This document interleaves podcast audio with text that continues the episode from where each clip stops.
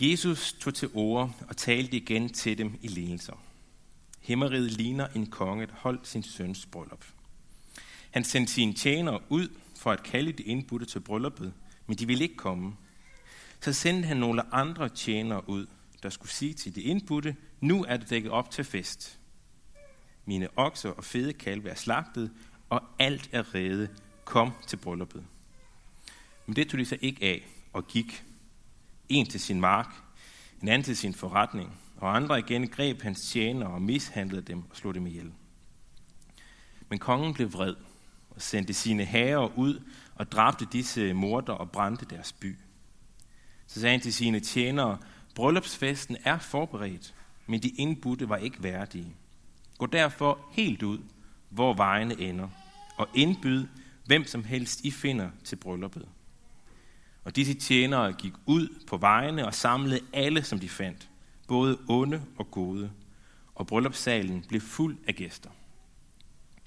Men da kongen kom ind for at hilse på sine gæster, fik han der øje på en, der ikke havde bryllupsklæder på.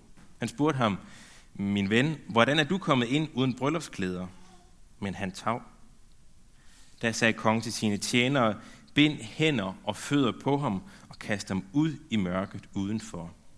Der skal der være gråd og tænderskæren. Til mange er kaldet, men få er udvalgt. Amen. Vi vil øh, bede kort. Og Gud vi vil bede dig om, at du vil øh, åbne dit ord for os. Både øh, os, der sidder her, og for børnene, der er til børnekirke. Jeg beder dig om, at du vil, øh, vil række til os og, øh, og lirke op i det i os, som vi hver sær har brug for at blive, blive mindet om, hvor der er brug for, at, øh, at dit ord kommer og gør sit arbejde i os. Det beder vi om i dit eget store og hellige navn. Amen.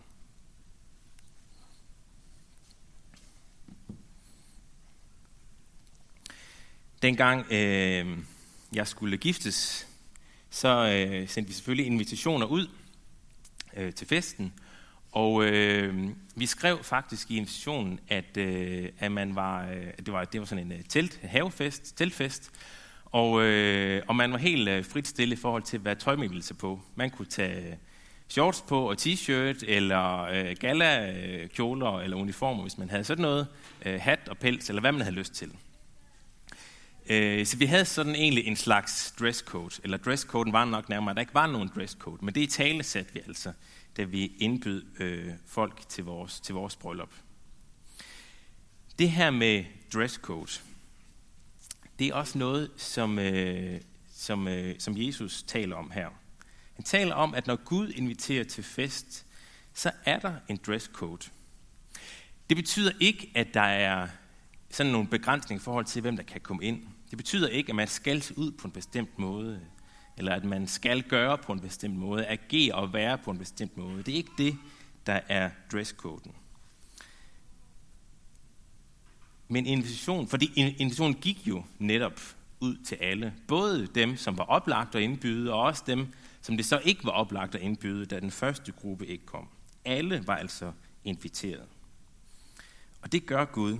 Han inviterer os alle til sin fest. Og det er vigtigt at få slået en tyk streg under det. Gud ønsker at holde fest med os alle sammen, alle mennesker, for han elsker os alle højt.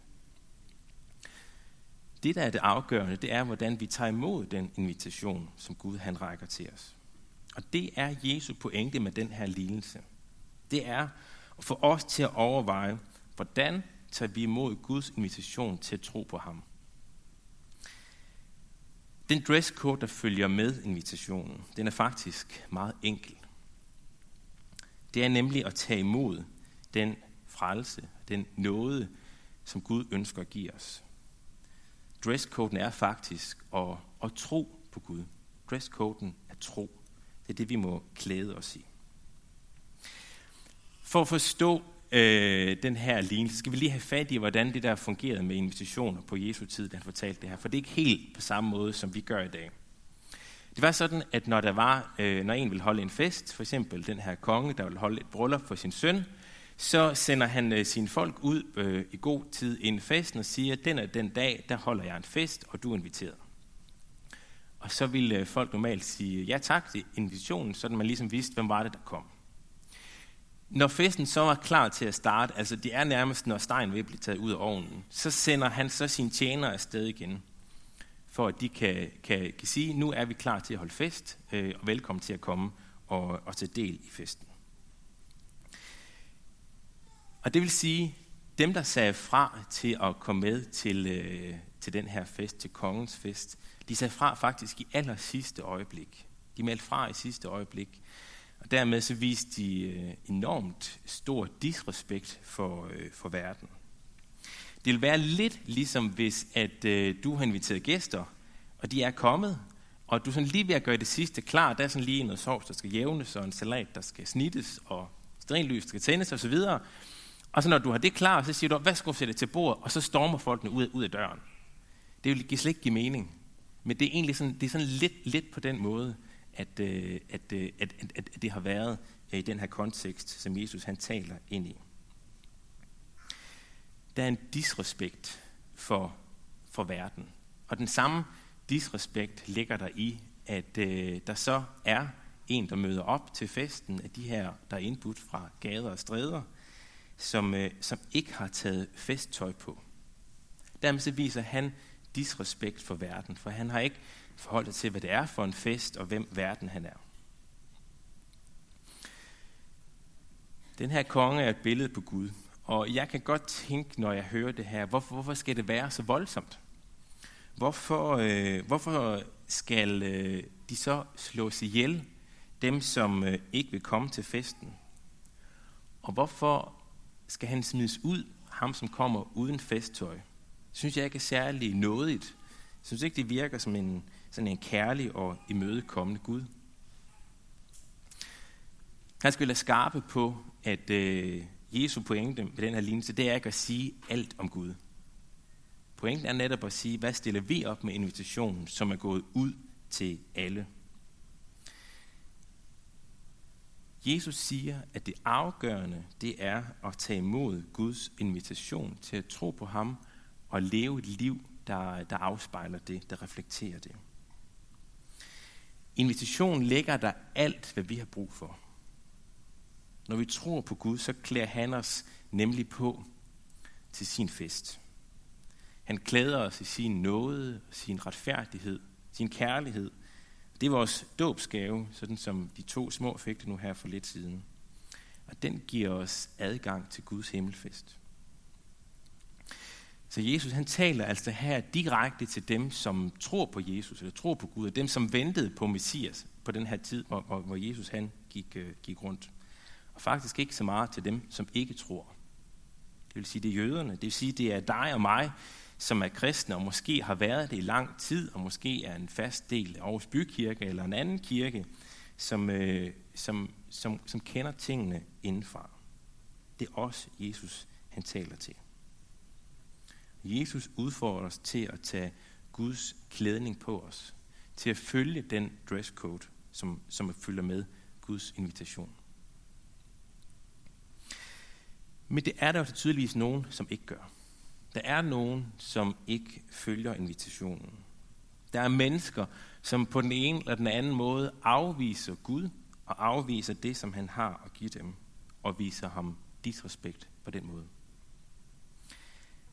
Og det er jo altså folk, som tror på ham. Det er folk, som ved, hvad det går ud på, som har hørt en masse forkyndelse før, som måske har læst i Bibelen i lang tid, som måske er aktiv på den ene eller den anden måde. Så spørgsmålet må være, hvad er det, der går galt for dem? Hvad kan der gå galt for os? Hvorfor er det, at mennesker, som øh, tror på Gud, kan have svært ved at finde vej til Guds fest? Hvorfor siger de måske direkte nej til invitationen til festen, Guds, Guds himmelfest på den nye jord, hvor han, når han vil samle os der? Hvad går der galt for dem? Hvad kan der gå galt for os? I sig selv er det ret voldsomt at sige nej til en, til en invitation fra en, fra en konge. Og endda en, en god og kærlig konge, der inviterer bredt og holder en stor fest for sin søn. Hvorfor siger man fra til det? Hvorfor, hvordan kommer man dertil? Jeg tror, at hvis det sker for os, så er det noget, der sker stille og roligt. Langsomt, skridt for skridt. Og oftest uden, at vi opdager det. Vi tror på Gud, og vi ønsker overordnet set at leve som kristne. Intentionerne de er faktisk rigtig gode. Vi vil gerne det her. Og vi ved, hvad der er rigtigt og forkert. Troen er lagt i os, og den præger også vores liv og vores holdninger. Men alligevel, så kan der hister her snige sig ting ind, synd, mønstre i mit liv, som betyder, at jeg ikke længere følger Guds vej, eller ikke længere lægger mærke til, at jeg er på vej væk. Ikke, ikke, ikke længere er opmærksom på, hvad er det, der er synd øh, i mit liv. Et eksempel fra mit eget liv var, at jeg for kort tid siden læste en artikel øh, om min øh, mor, der fortalte, at hun var frustreret over, at hun ikke kunne parkere ned i Superbrusen, uden at hendes børn skulle kigge op på øh, store plakater af nøgne mænd, der lå og kiggede hinanden ind i skridtet. Og ja, det er plakaterne fra klovnfilmen, jeg taler om. Det var først, da jeg læste det her, at det gik op for mig, at jeg øh, faktisk ikke sådan rigtig havde reageret på de her plakater, for dem har jeg også set rundt omkring i byen. Jeg synes ikke om dem, men, men jeg, havde ikke sådan, jeg var ikke sådan blevet forarvet, eller jeg havde ikke sådan på den måde taget afstand fra det. Jeg var øh, nærmere blevet nysgerrig. Jeg kunne godt tænke mig at vide, hvad det er, de her to hoveder, Kasper og Frank, hvad de har fundet på af grænse øh, sprængende eller grænseoverskridende øh, humor eller pinligheder eller, eller, eller, eller hvad det kunne være. Men det gik op for mig, at jeg faktisk synes det er forkert, da jeg så læste den her artikel. Det gik faktisk op for mig, at, og det gik op for mig, at det havde jeg ikke, det havde jeg ikke tænkt på, før jeg havde bare taget det ind som en del af det, der, der, bliver, der bliver kastet i hovedet på mig.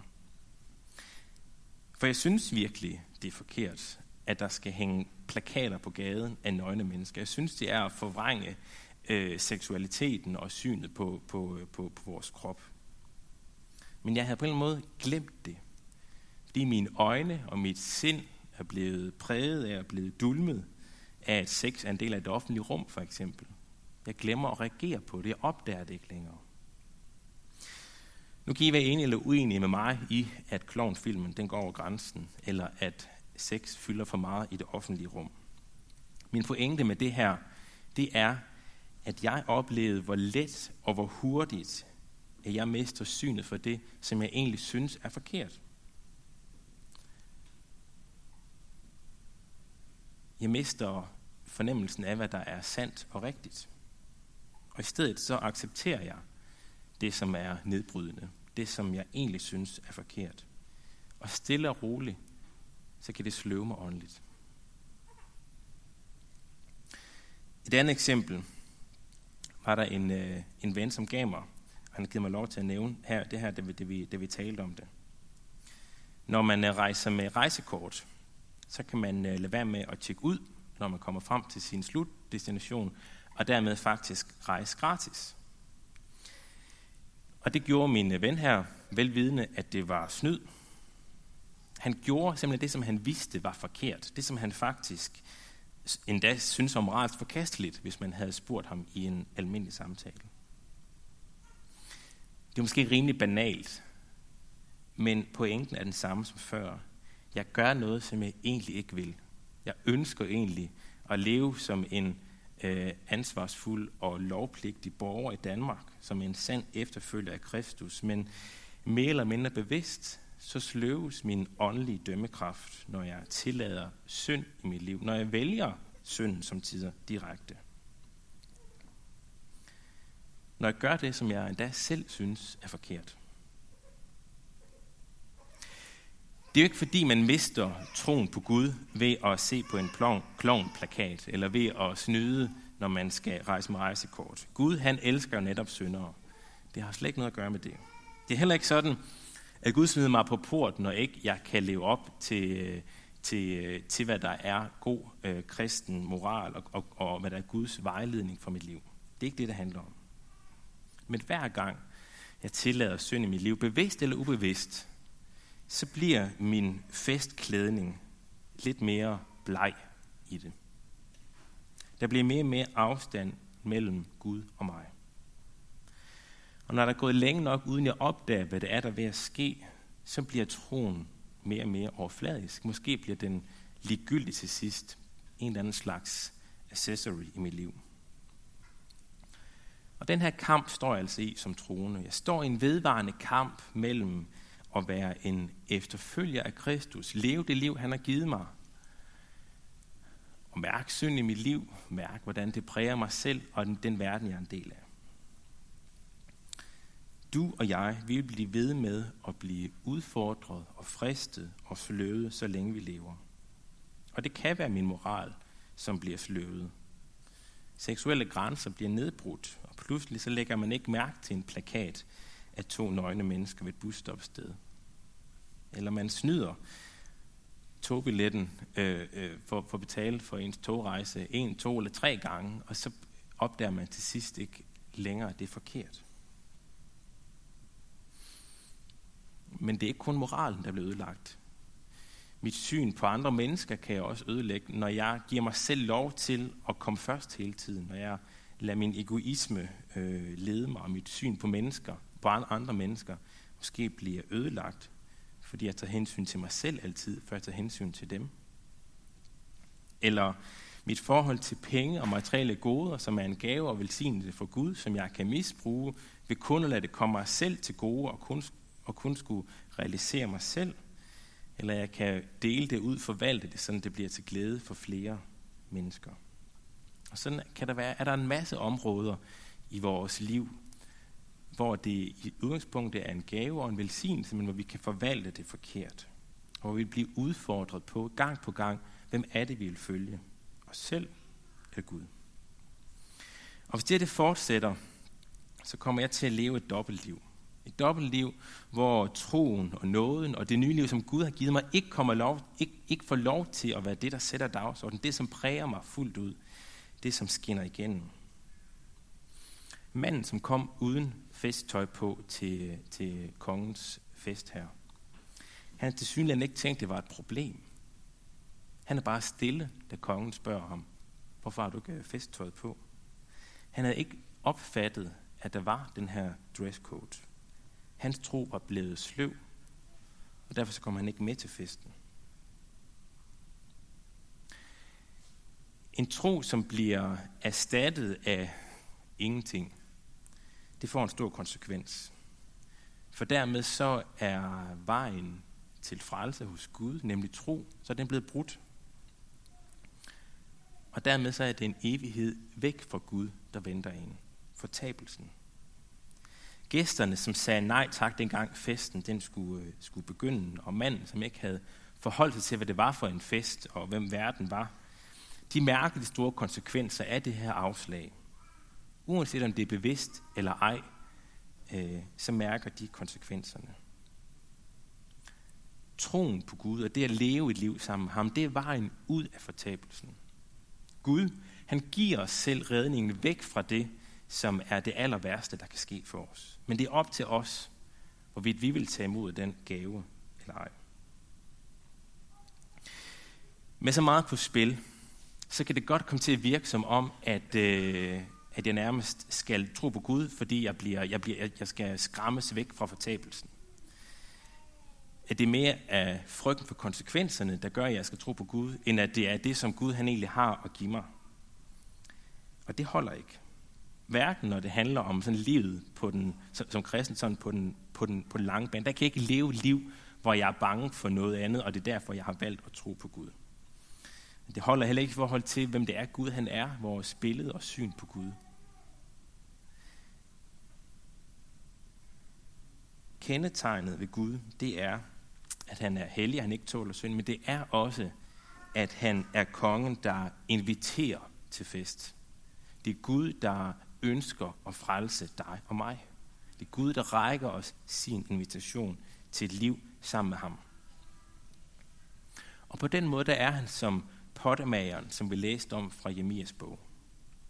Pottemageren, som selv former og danner sit ler, indtil han er tilfreds med det.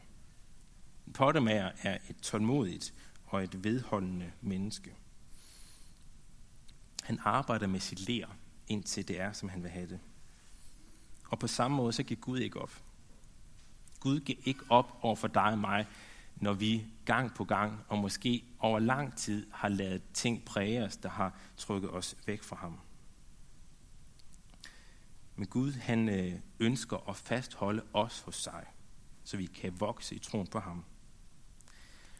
For ligesom kampen mod åndelig sløvhed, den er vedvarende, sådan er Guds arbejde med os også vedvarende. Guds nåde og kærlighed var ved.